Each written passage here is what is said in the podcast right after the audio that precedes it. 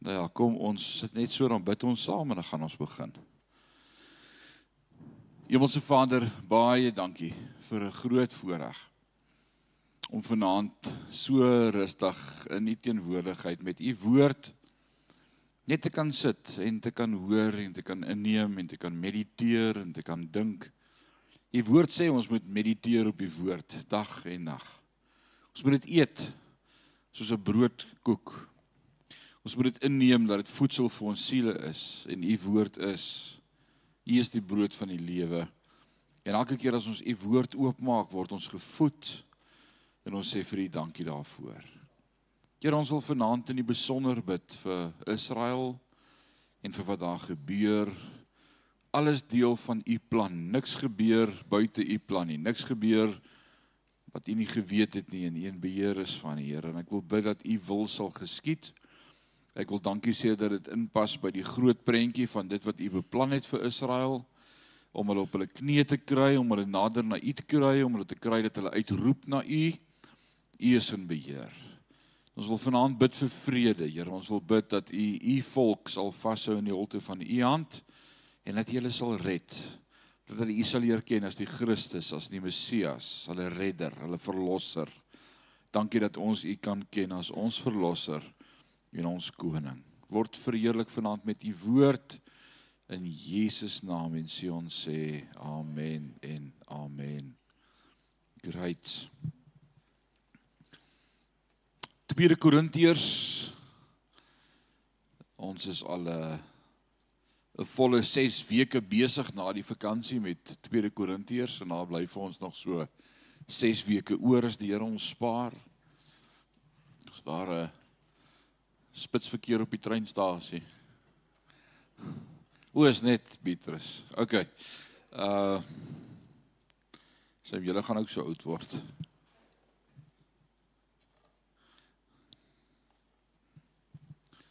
Welkom tannie Petrus. Jammer ons is voor jou hier hoor.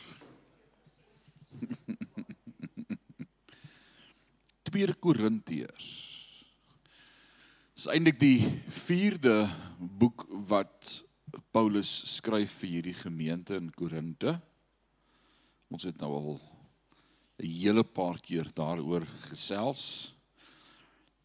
Maar in hierdie boek gebeur iets anders sover in die eerste 2 hoofstukke as wat in die ander boek gebeur het. In twee hoofstukke sover is al wat Paulus besig is om te doen is om sy hart vir die gemeente en vir die bediening te wys.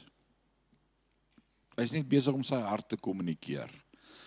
En wat beteken dit vir my en vir jou dat ons daaruit kan leer uh waar Paulus sy krag gevind het, wat hom staande gehou het in die beproewinge, wat gemaak het dat hy nie wil opgee nie, wat hom gedryf het te midde van die feit dat hy van allerlei goed beskuldig is en dat sy apostoliese gesag in twyfel getrek word en dat die gemeente uh, eintlik kwaad is vir hom en daar's onvrede en daar's 'n broer vir wie hy baie lief was wat hy moes vermaan en uh, daar's allerhande goed wat moet gebeur in die gemeente wat vir hom sleg is en tog kom hy net met eerlikheid en deursigtigheid en hy hulle vra mos hoe eet jy 'n olifant op stukkie vir stukkie.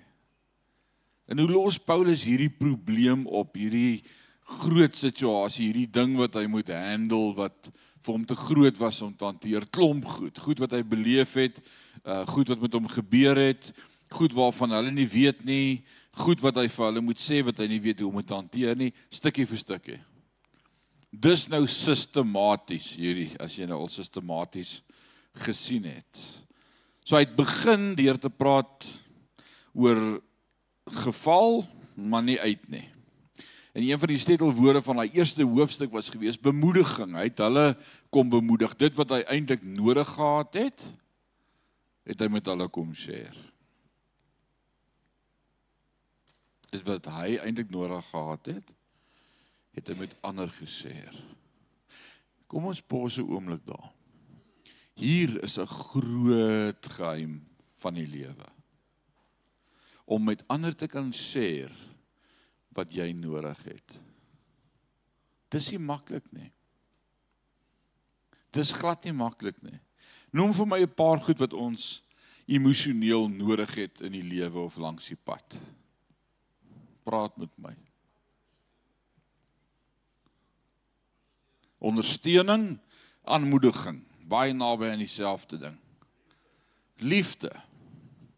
Hoe hoe kry ek ondersteuning en aanmoediging want ek het dit nodig.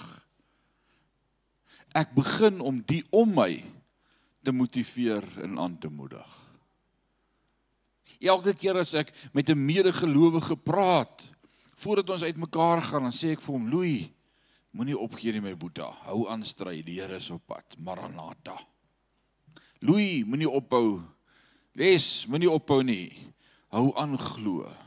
Kobus, een van die dae gaan jy regkry om daai bene te hardloop. Moenie opgee nie. Moenie moeg word nie. Hoeveel jare is dit nou al wat jy sukkel met daai bene?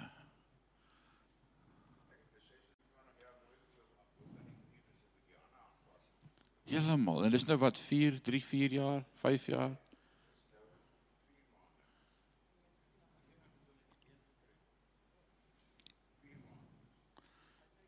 Hou net aan. Moenie opgee nie. In die proses wat ek ander motiveer en bemoedig, gebeur daar wonderlike ding met my. Want ek sien hoe kry Kobus opnuut hoop en moed en ek sien hoe byt Louis vas en ek sien hoe gee hy nie op nie en ek en dit versterk my so dat ek gemotiveer word daardeur.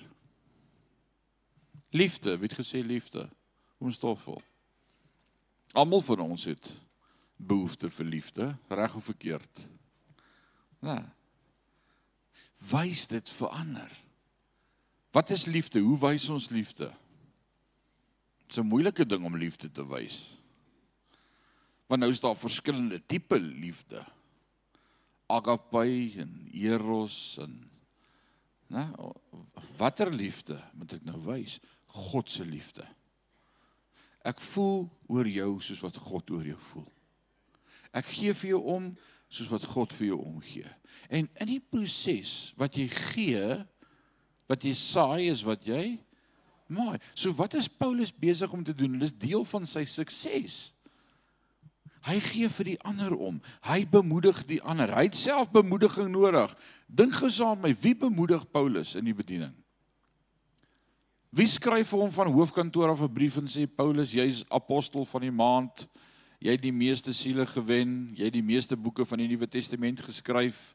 Hier's vir jou 'n goue horlosie uh hier's vir jou 'n bonus hierdie jaar het jy baie goed presteer met al jou inkomste wat jy bymekaar gemaak het. Paulus, jy's die apostel van die jaar. Nooit niemand nê. Niemand nê. So hy het bemoediging nodig. Niemand gee dit vir hom nie. Almal kyk na hom vir bemoediging. Dis nogal baie keer hoe die lewe werk, né? Nee, ouens kyk na jou, hulle kyk na die hoof van die huis, hulle kyk na die pa. Hy is iemand met liefde gee en moet sorg en moet en moet uitdeel en moet sterk staan en hy's die een wat altyd in beheer moet wees, maar wie gee vir hom aanmoediging en liefde en support en hy moet by my die Here kry. Maar in die proses om dit te gee, is jy eintlik besig om te ontvang. En dis presies wat Paulus gedoen het. En dan kom hy in in in die tweede deel van 1 Korintiërs 2 Korintiërs 1 vanaf vers 12 tot 24 en dan praat hy oor die dinge wat hom staande gehou het in die eerste plek onthou wat God vir jou is daarna het hy gesê onthou wat God vir jou doen daarna het hy gesê onthou wat God deur jou doen. Het julle julle notas gekry? Op die groep as jy nie notas gekry het nie stuur asseblief vir my 'n WhatsApp na my selnommer toe ek sal dit grant gaan dit vir ons op die bord sit en uh, dan stuur jy net vir my 'n WhatsAppie om te sê notas asseblief. Die res wat op my groep is, julle sou dit gekry het. Dan begin hy in 2 Korintiërs hoofstuk 1 vanaf vers 12 tot 24, daai laaste deel en dan sê hy hier's nou 'n paar goed wat my aan die gang hou, is 'n skoon gewete. Dis nogal 'n belangrike punt, 'n rein gewete voor God, 'n hart of deernis of medelee of empatie om regtig empatie te hê vir mense en dan geloof wat altyd oorwin. Dis 'n belangrike een. Geloof wat oorwin. So kom ons begin vanaand en ons praat oor geloof wat oorwin. Ons is in 2 Korintiërs 2 vers 12 en ons gaan saam lees van vers 12 tot 17 en dan gaan ons oor daardie 6 verse gaan ons vanaand gesels. Geloof wat oorwin. Dis die tema vir vanaand se gedeelte. Toe ek in Troas aangekom het om die goeie nuus van Christus te preek, is 'n deur vir my deur die Here oopgemaak. Lees gou saam met my wie die deur vir hom oopgemaak? Die Here. Die Here maak vir hom 'n deur oop in Troase om die evangelie te kan bedien. Tog kon ek net nie tot rus kom nie omdat ek my broer Titus nie daar kon vind nie. God maak vir hom 'n deur oop, maar hy sê ek kry nie vrede oor oor om hier te aan te bly en te bedien nie want my broer Titus is nie hier nie. Daarom het ek van die mense afskeid geneem en na Macedonië vertrek. Ek is dankbaar teenoor God wat ons omdat ons aan Christus verbind is, altyd saamneem in sy triomftog. Deur ons versprei hy die aangename geur van sy kennis op elke plek. Ons is die welrekende geur wat deur Christus vir God opstyg. Onder die wat verlos word, sowel as onder die wat verlore gaan. Vir sommige is dit 'n doodsreek tot die dood. Vir ander is dit 'n lewensgeur wat lewe bring. Wie is tot hierdie taak in staat? Ons is wel want ons is nie soos baie mense wat smous met die woord van God nie. Omdat ons aan Christus verbind is, preek ons die woord met suiwer bedoelings. 'n Woord wat van God self afkom en waaroor ons aan hom rekenskap moet gee. Hierdie is nog 'n 'n interessante gedeelte. Nou vir my snaaks sommer net is God maak vir my deur oop. Hy het nie vrede nie en hy laat die geleentheid verbygaan. Jesus ek het hieroor baie gedink. Kom Leon. God maak 'n deur oop.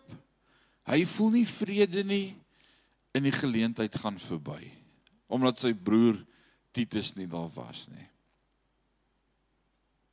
Hoeveel keer in die lewe gee ons onsself pak vir verkeerde besluite wat ek en jy langs die pad geneem het?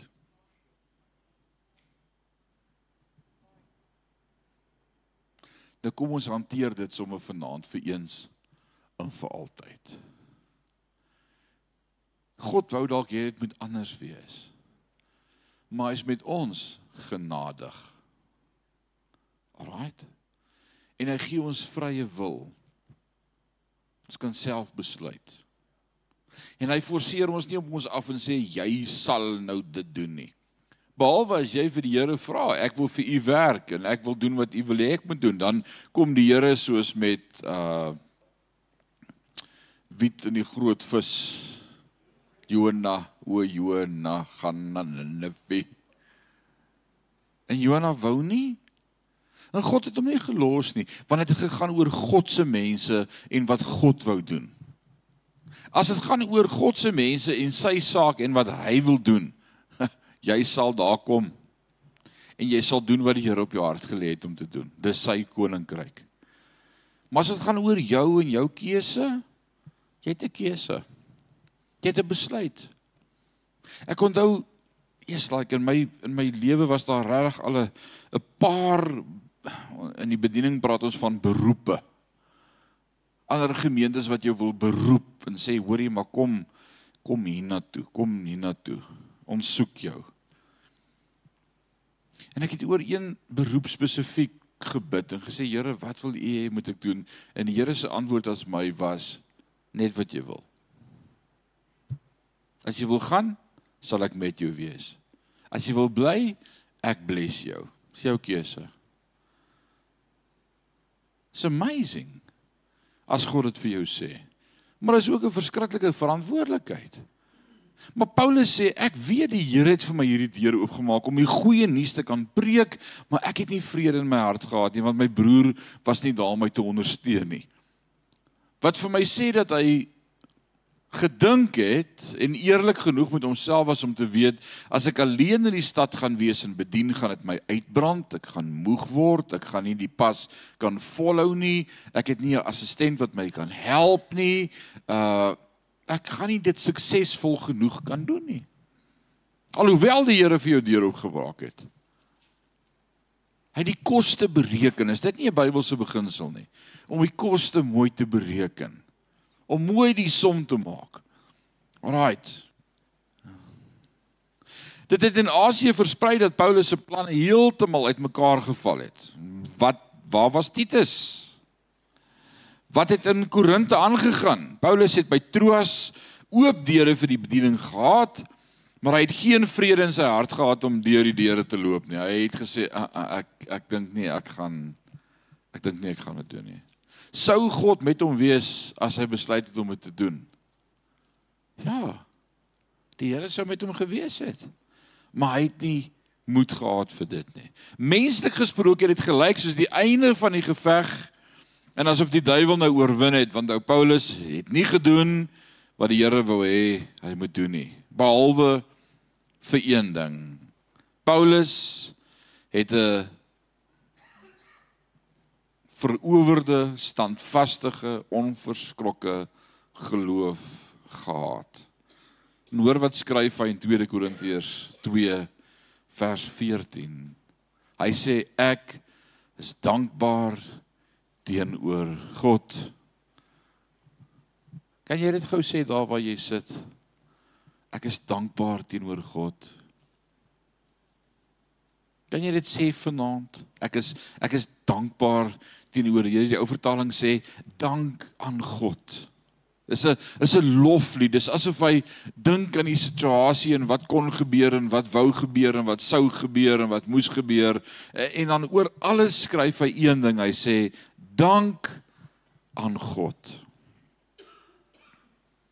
Dis net iemand wat in 'n hegte verhouding met God wandel. Wat te midde van dinge wat skeefloop nog steeds vir God kan sê dankie. Is dit nie amazing nie? Met ander woorde 'n lewe van dankbaarheid. Dankbaarheid. Ek en jy wil altyd eers 'n rede hê om dankbaar te wees. Ons soek 'n rede om bly te wees.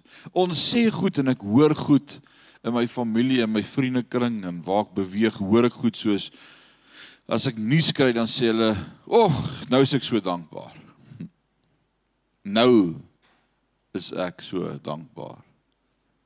As jy dokters toets terugkry, bloedtoets en die uitslag is negatief, die woorde wat sê, oh, "Nou is ek so dankbaar." Met ander woorde, as dit anders sou wees, sou ek nie dankbaar gewees het nie. Is ek net dankbaar as God vir my goed is?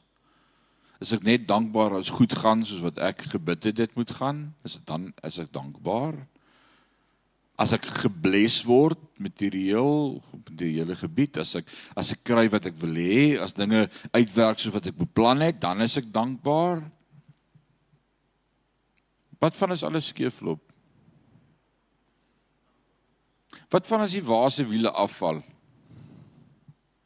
wat van as goed nie gebeur soos ek gedink het nê wat van as al my planne ewe skielik in duie stort en al my drome wat ek gehad het val in mekaar en is soos nou maak niks sin nie. Is ek nog steeds dan dankbaar?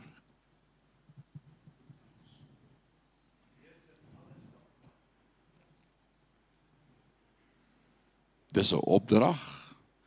Dis 'n opdrag wat die woord vir ons leer. Hy sê wees in alles dankbaar.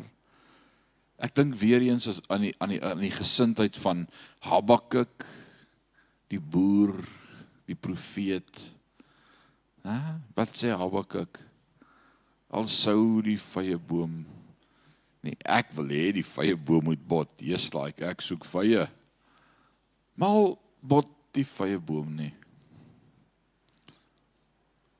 En al stel die oes van die lande te leer, yes, dit sal 'n awesome rekord oes wees. Ek het nodig vir 'n rekord oes vir 'n slag om my skuld te betaal. Ek's agter. Maar al stel die oes te leer. En die vee op die in die krale al wil hulle nie aanteel nie, maar hulle verdwyn eerder. Hulle word gesteel doodgemaak. En hulle staan nie drywe hierdie jaar nie. En al al is stal leeg en daar's nie meer beeste in die beeskrale nie. En dan loop alles skeef. Johan, jy het hierdie liedjie al gesing in jou lewe. Nogtans sal ek in die Here jubel. Ek is dankbaar vir wat hy vir my gee. Ek's dankbaar dat God my God is. Ek's dankbaar dat hy my hand vashou. Ek's dankbaar dat hy met my is al die dae van my lewe. Ek's dankbaar dat selfs al verstaan ek nie wat aangaan nie, hy met my 'n plan het.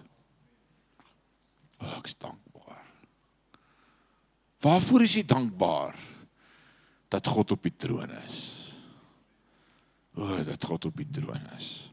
Hierdie loflied is gebeur gebore uit die versekering wat Paulus gehad het omdat hy die Here vertrou het. Ek wil vanaand 'n stelling maak. Vertroue is gelyk aan dankbaarheid. Jy kan nie sê jy vertrou God en nie dankbaar wees nie. Hoor mooi, wie kan sê amen? As ek God regtig vertrou, nou hier kom nou die ding, waarvoor vertrou ek die Here? Waarvoor vertrou ons die Here? Vir wat ek wil hê of vir wat hy vir my wil hê? Ons bid dit. Laat U wil geskied, laat U koninkryk kom soos in die hemel so op die aarde. Nie myne nie. En as ek God regtig vertrou dat hy met my 'n plan het, dat hy in beheer is, wat hou die Jode in Israel staande in hierdie moeilike tyd? Wat wat maak dat hulle kan nog steeds aantrek môre en hulle gesigte was en opstaan en nie in die bed bly lê en wag vir iemand om hulle te kom doodmaak nie. Wat maak dat hulle moed het om aan te hou lewe? Hulle vertrou in God. Hulle vertrou in God. Dis dit. Omdat hy die Here vertrou het, is daar hierdie dankbaarheid by hom. Hoor wat sê vers 14a. Hy sê Paulus was seker dat God hom gelei het. sien jy dit uit 14a uit? Hy sê ek is dankbaar teenoor God wat ons omdat ons aan Christus verbind het altyd saam neem in sy triomf. Tog God lei ons altyd. Ek is dankbaar omdat God ons altyd lei. Wie van julle kan vanaand sê amen? Het jy al teruggekyk en dan dink jy daai ding wat ek besluit het, nou. Dit was net die Here wat gemaak het dat ek dit kies. Ek sou nie, ek wou nie, ek het nie geweet hoekom nie. En as ek terugkyk, dan is dit soos dit was van die Here. Dit was van die Here. Die omstandighede was nie maklik nie en Paulus kon nie die ompaaie en teleurstelling verklaar nie. En ek dink Dit moet ons vanaand vir mekaar sê as kinders van die Here. Jy hoef nie altyd al die seer en al die teleurstellings in jou lewe te verduidelik nie. Want as jy dit gaan moet probeer doen, daar's te veel waaroor ons gaan sê ek weet nie. Ek weet nie. Ek weet nie. Marlene, kan ek vir jou verduidelik hoekom dit al skeef geloop en dinge teenoor gegaan en Ek weet nie. Toe ek jonk in die bediening was, wou ek graag 'n goeie pastoor wees. Ek wou 'n goeie pastoor wees. Ek wil nog steeds maar ek wou 'n goeie pastoor wees. Dit was my hart. En as mense voor my kom sit met moeilike vrae, dan het ek gedink dis my werk om vir hulle al die antwoorde te gee wat die Here vir hulle wil sê. Alles wat hulle nie weet nie, moet ek vir hulle kom vertel. En as hierdie enkel mamma vir my vertel van hoe sy haar man verloor het toe haar kind toe oud was, 9 jaar oud is en sy deur die lewe moet struggle en alleen haar kind grootmaak en en sy verstaan nie hoekom dit moes gebeur nie, dan het ek die hele tyd gesit, okay Here, watter antwoord kan ek vir haar gee? Daar moet 'n antwoord wees. En ek dink dis die deel van die bediening wat my gebreek het. Is die seer wat almal van ons mee rondloop vir goed wat gebeur het wat ons nie verstaan nie. En eendag toe praat die Here met my en sê dis nie jou werk om namens my te antwoord nie. OK. Dis jy you, you released of your duties. Dis jou werk hè. Maar wat jy kan doen is om vir mense te sê ek is God en ek is in beheer en ek stap met hulle pad en ek sal hulle nooit los en hulle nooit begewe en altyd met hulle wees al die dae van hulle lewe. En dit is okay. Dis so. Ek kan nie vir jou al jou seer verduidelik nie en ons het almal in ons lewe verkeerde besluite gemaak. Kan ek net een hand sien van iemand wat nog nooit 'n verkeerde besluit gemaak het nie. Jy gaan hom nou dalk nou maak, maar go for it gou vir dit. Die werklikheid en ek wil hê jy moet inneem wat om jou nou net gebeur het. Dis eintlik 'n getuienis van almal van ons. Dit goed wat ons nie kan verklaar nie. Ons ons dit nie. Ons kan net goed nie, ons weet nie. Maar Paulus het op een ding vasgestaan. Hy het gesê ek is seker God lei my. Die gelowige kan altyd seker wees dat God alles ten goeie laat meewerk. Solank ons hom liefhet, hier is die kriteria. Solank ons hom liefhet, jy kan nie leef soos jy wil, leef in sonde, praat soos jy wil, sê wat jy wil, mense uithaal soos jy wil en dan sê die Here moet vir my voorsien nie. Dis is dis ongeloof. Solank jy hom liefhet en probeer om sy wil te gehoorsaam, sal hy altyd vir jou sorg en alles laat meewerk ten goeie. Kan iemand sê amen? Alraight. Hierdie belofte is nie 'n verskoning vir sorgeloosheid nie, maar is 'n aanmoediging om God te vertrou. Jy kan nie net ophou en sê ek worry nie, ek worry nie wat ek doen nie, ek worry nie wat ek besluit nie, ek worry nie wat ek sê nie. Ek worry nie. Daar's 'n groot verskil om stresvry en sonder bekommernisse te lewe en om nie te worry nie. Help my gou reg. Hoor gou wat ek sê. Daar's 'n verskil tussen om stresvry en sonder stres te lewe, maar om 'n attitude te hê van ek kan nie worry nie.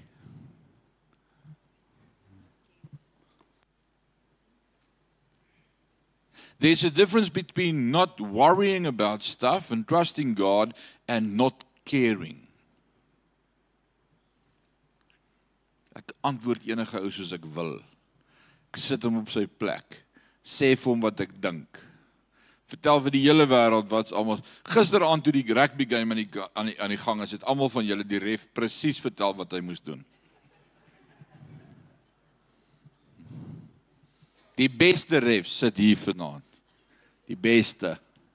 Ek het 3 refs in my huis gehad. Ek het hulle net geluister. Die beste stuurman staan aan wal. Daar's 'n verskil tussen om nie te worry wat jy sê en hoe jy mense seermaak en hoe jy met mense werk of om nie bekommerd te wees nie. En God se woord sê moenie bekommerd wees nie. Moenie stres nie. Moenie 'n oomblik 1 minuut se slaap verloor nie. Moenie dat daar een haar van jou hoof afval waaroor jy wonder weet God hiervan. Die God weet van alles. Hy het jou, hy sorg vir jou, hy's met jou al die dae van jou lewe tot aan die volëinding van tyd. Hy's met jou. Vertrou hom. Wat beteken nie ek worry nie. Druk ek myself goed genoeg uit, oom Leon? Ek gee om. Maar ek stres nie. Ek gee om. Ek gee om hoe ek met ander werk langs die pad. Ek gee om hoe ek met mense praat.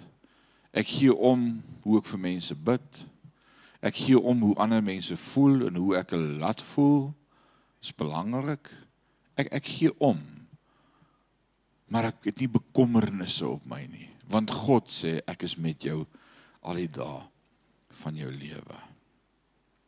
In die tweede plek in vers 14b Paulus was ook seker dat God hom in triomf gelei het. Triomf. Triomfantlik. Nou om triomf te verstaan vanaand moet ons so 'n bietjie gaan na die na die na die tyd greep toe wanneer hierdie brief geskryf is en en die agtergrond waarin dit geskryf is en en die geskiedenis. Ons moet so bietjie iets verstaan van van wat gebeur het in daai tyd. Uh Chris kom sit seun, waar is jy? Kom sit. Wees rustig. Daar sy. Triomf. Die Romeine het sekere gebruike en gewoontes gehad wanneer hulle oorlog gevoer het. En as die hoofbevelvoerder 'n volledige oorwinning oor die vyand op vreemde grond behaal het, nou hier's nou 'n paar goedjies wat in die Romeinse uh, geskiedenis nou ingeskryf is vir ons daar in Italië, as die hoofbevelvoerder 'n volledige oorwinning oor die vyand op vreemde grondgebied behaal het, En as hy minstens 5000 vyandelike soldate doodgemaak het, so hy het nou 'n bietjie van hulle van hulle van die vyand uitgewis en 'n nuwe gebied vir die keiser bygewen het, grondgebied wat hy hy het uit die grondgebied ver, vergroot soos wat uh die koloniale vroeë jare uh, die wêreld in in in in uh jy weet ons was mos ook deel van die Britse kolonies wat hulle verower het, dan was die hoof van die Romeinse ryk triomfantlik. Dan het hy getriomfeer. Wanneer het hy getriomfeer as daar as hy die grondgebied van die van die uh, van die vreemde behaal het 5000 het gesterf en dan dan was hy meer as 'n oorwinnaar gewees. Die optog sou insluit wanneer hy nou op sy bereid gaan, né? Wanneer hy nou paradeer. Ons sê mos 'n paradeer. Die naaste wat jy aan dit ken is die vlotskou in die hoofstraat. Wanneer die vlotte hier afgaan, maar dit is glad nie so nie. Dit is, is baie meer 'n parade. Die bevelvoerder wat in sy goue wa gery het, hy hy het nou hierdie triomf aangekondig, sy triomf. Ehm uh, die bevelvoerder was dan omring deur sy offisiere. Die optog bevat ook 'n vertoning van die buit wat uit die geveg gewen is. Uh so kan julle onthou toe Saul teruggekom het uh al daai beeste en kalvers en al die die buit wat hulle gekry het. En wat het God gesê in daai tyd? Kan jy onthou wat het wat het Samuel vir Saul gesê? Wat het God gesê moet hy doen? Hy moet alles met die band tref. Hy moet alles doodmaak. God sê maak alles dood. Ek wil daai volk uitwis en toe hou hy die beste, die beste beeste en die bulle en die hy het hulle gekom en toe kom die profeet by hom en sê God vra wat se geblær en hulle gebulk hoor ek in my ore. Dis nie wat ek God gesê het nie. En dan sê hy God soek wat se een ding wat God soek? Gehoorsaamheid. Ja, dit is beautiful. So hierdie optog sou dan al die buit bevat het wat gewen is in die in die in die, in die geveg, sowel as die gevangene, die krygsgevangenes, die soldate wat in hierdie in hierdie oorlog dan nou gevang is. Hulle sou ook daar geloop het. Die Romeinse priesters sou ook in die parade gewees het en die brandende wierook dra om hulde te bring aan die oorwinnende keiser. Dis 'n hele parade wat sou verby beweeg het om te kon brag oor sy triomf. Die optog sou 'n spesiale roete deur die stad volg en eindig by die Circus Maximus waar die hulpelose gevangenes die mense sou vermaak deur met wilde diere te veg in die Kolosseum kan jy onthou daar in Italië en Rome? Dit was my voorreg om in Rome in die Kolosseum daar te staan en te dink aan hoeveel Christene daar betaal het met hulle lewe. Gladiator het hulle gladiator gekyk op die einde, daai diere waarmee hulle moes veg. Dit was 'n baie spesiale dag in Rome toe die burgers op 'n volskaalse Romeinse triomf alles aanskou ten aanskoue. Nou Paulus gebruik nou hierdie beskrywing van 'n Romeinse triomf tog om iets te beskryf van sy verhouding met God. So hoe is hierdie stuk geskiedenis van toepassing op die gelowige en selfs op ons as gelowiges vandag? Hier kom dit. Dit gaan jou bless. Dit bless my. Jesus Christus, ons groot opperbevelvoerder, het na 'n vreemde stuk grond hierdie aarde gekom. Ek hoop jy raak al opgewonde soos ek. En hy die vyand Satan heeltemal verslaan. In plaas daarvan om 5000 mense dood te maak, het hy vir meer as 5000 mense lewe gegee. 3000 op Pinksterdag en nog 2000 kort na Pinksterdag. Handelinge 2 vers 41 as ook 4 vers 4. In 'n kwessie van 'n paar dae kom 5000 tot bekering. Jesus Christus het die buit van die stryd geëis. Lukas 11 vers 14, Efesiërs 4 vers 8, Kolossense 2 vers 15. Ek sal julle notas vir julle aanstuur. Hy het die sleutels van die doderyk afgevat en gesê dit behoort aan my. Aan my is gegee alle mag en autoriteit. Die seuns van die oorwinnende generaal sou agter die wa van hierdie prins aangeloop het en in sy oorwinning gedeel het. En dis waar ons as gelowiges vandag volg. Wat volg op 'n oorwinning van Christus. Ons veg nie. Hierdie het ek in hoofletters hier geskryf en ek wil hê as jy vanaand hier uitstap en net een ding onthou, moet jy hierdie ding onthou. Ons veg nie vir oorwinning nie. As jy vir oorwinning gaan veg, gaan jy geestelik moeg raak, jy gaan die hele tyd besig wees om die duiwel te bestraf. Jy gaan die duiwel wegjaag, jy gaan die duiwel agter alles sien. Jy gaan die hele tyd jou huis skoon maak. Jy gaan agter elke ding kyk waar hy gemerk, o, hy is in China, ek moet hom verbrand, gee vir die duiwel geen vatplek nie. O, hierdie boek, wie het hom o nee, hierdie ou was 'n ateës, ek moet hierdie boek verbrand. Iemand skryf gister vir my WhatsApp oor drie boeke wat hulle gekry het en uh die drie boeke is nou nie so geestelik kouser nie. En sy sê maar wat moet ek doen in die plek van die drie boeke as ek dit verbrand want iemand vir my gesê as ek daai drie boeke brand dan moet ek in die plek daarvan sewe ander goed sit uh in my lewe anders gaan die duiwel sewe keer terugkom. Ek het net deur die plaas gesê jy het moeilikheid. Jy het groot moeilikheid. Jy het groot moeilikheid. Dis die goedjies waarmee die kerk so besig is. Ek onthou 17 jaar terug toe ek in die gemeente beland, in my eerste week in die gemeente. Toe kry ek in die kerkkantoor die video's van Tian Geldenhuys, maak skoon jou huis. Almal maak net huise skoon. Hulle soek daai video's nou nog.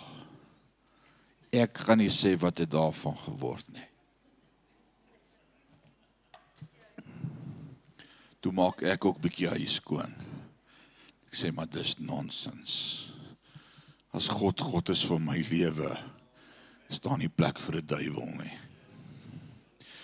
Ons twyfel oor wie ons is. Ons is so onseker. Ons is besig om te veg en te bind en te bestraf in o, hemel. En ek vra dit altyd vir die mense. Dan sê ek maar ons het gister die duiwel gebind. Wie het hom losgemaak? Wie het hom losgemaak? wat ek eintlik vra is as ons nou regtig die duiwel kon bind, hoekom werk dit nie? En, en dis hoekom ek hierdie skryf, hoor mooi my hart, ons veg nie vir oorwinning nie, ons veg vanuit Christus se oorwinning. Hy het reeds oorwin. Die graf is leeg. Hy is triomfantlik oor graf, hel en dood. Hy regeer tot in ewigheid. Hy sit aan die regterhand van God die Vader. En hy sê vir ons julle is meer as oorwinnaars. Sê ja ja, ek weet ek gaan dit wees, maar hang net vas, ek moet net gou my huis skoon kry. Eers er ons brandplate en ons brandklere en ons brand T-shirts en ons brand alles. Maar ons weet nie wie ons is in Christus nie. En die duiwel lag. Hy hou vir ons besig. Nog in Asië, nog in Korinte, het die situasie vir Paulus soos 'n oorwinning gelyk. Maar hy het God geglo en God het die nederlaag in 'n oorwinning omskep. Sy vertroue was op God voordat hy nog die triomfantelike oorwinning gesien het, bely hy klaar ek triomfeer saam met Christus. Is like Dis om te verstaan wie jy is in Christus. Paulus was seker dat God hom gebruik het toe hy hom gelei het. Is dit nie een van die groot goed waarmee die vyand ons aanval nie? kan die Here jou regtig gebruik.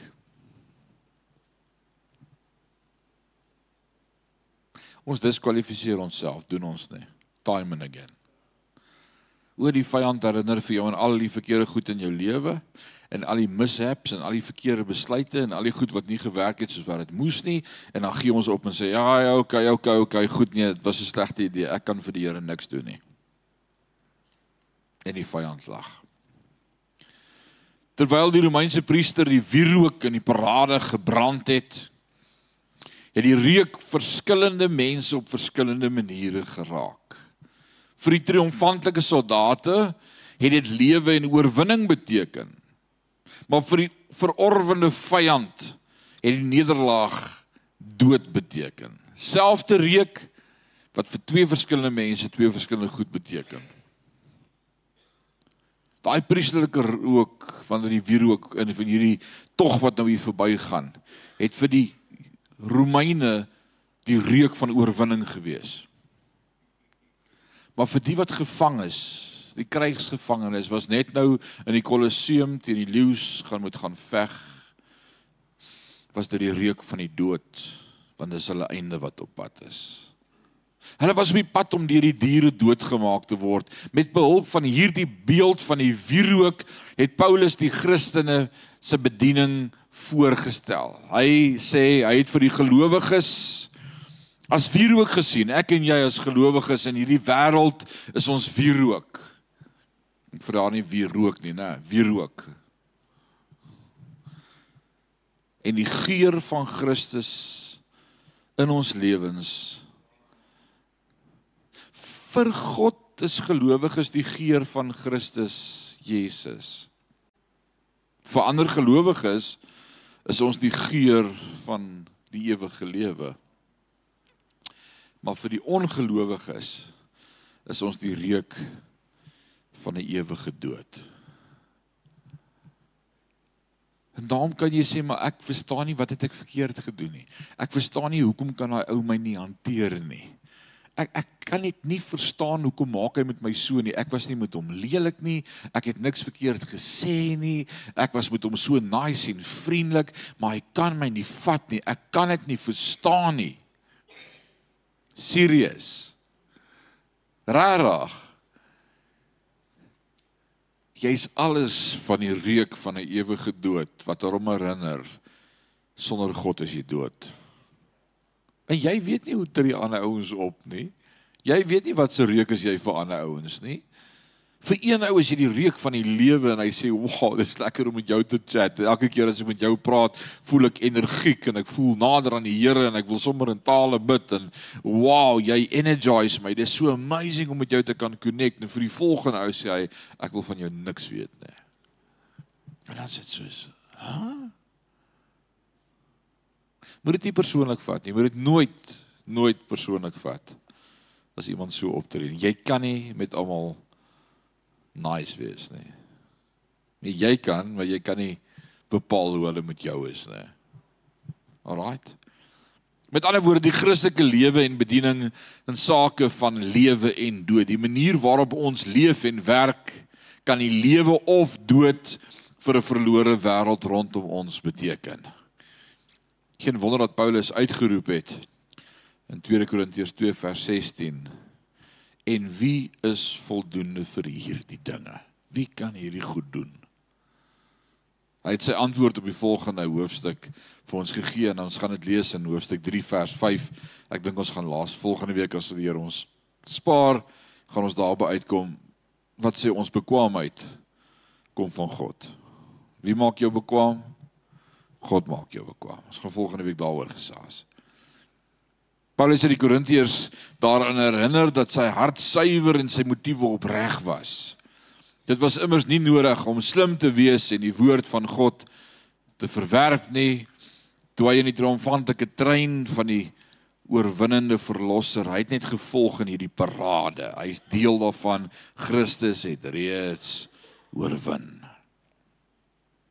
Hulle het hom miskien verkeerd verstaan. Maar God het sy hart geken. Ek wil vanaand vir jou sê ons hoef nie te misluk nie. En jy hoef ook nie soos 'n mislukking te voel nie. Omstandighede kan ons aanmoedig en mense kan ons teëstaan en ons verkeerd verstaan. Maar ons het in Christus die geestelike hulpbronne om die stryd te wen. En hier's die drie goed wat in hoofstuk 2 opgestaan het. Die eerste een is 'n skoon, rein gewete. Wie kan sê amen?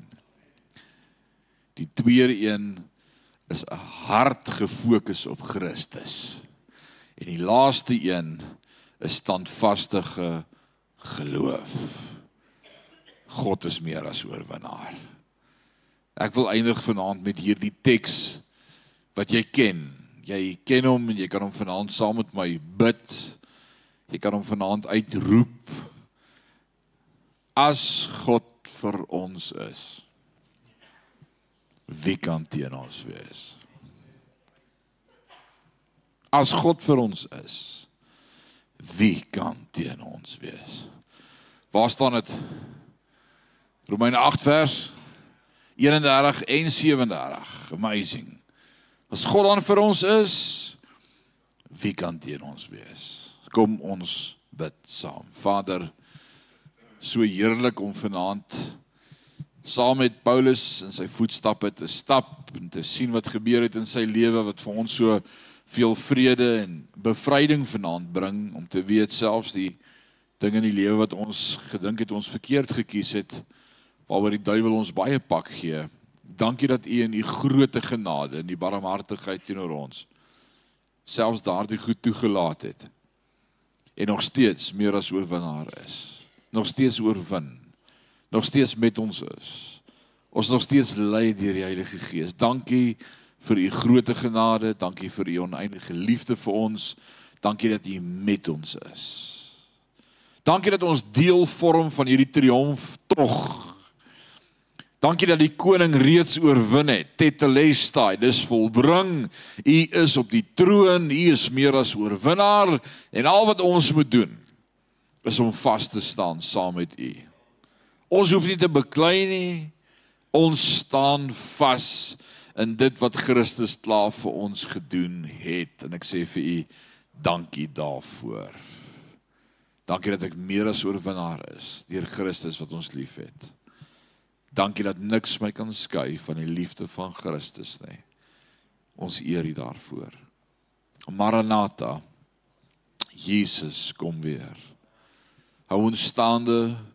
Hou ons oë gefestig op U, die leidsman en volëinder van ons geloof.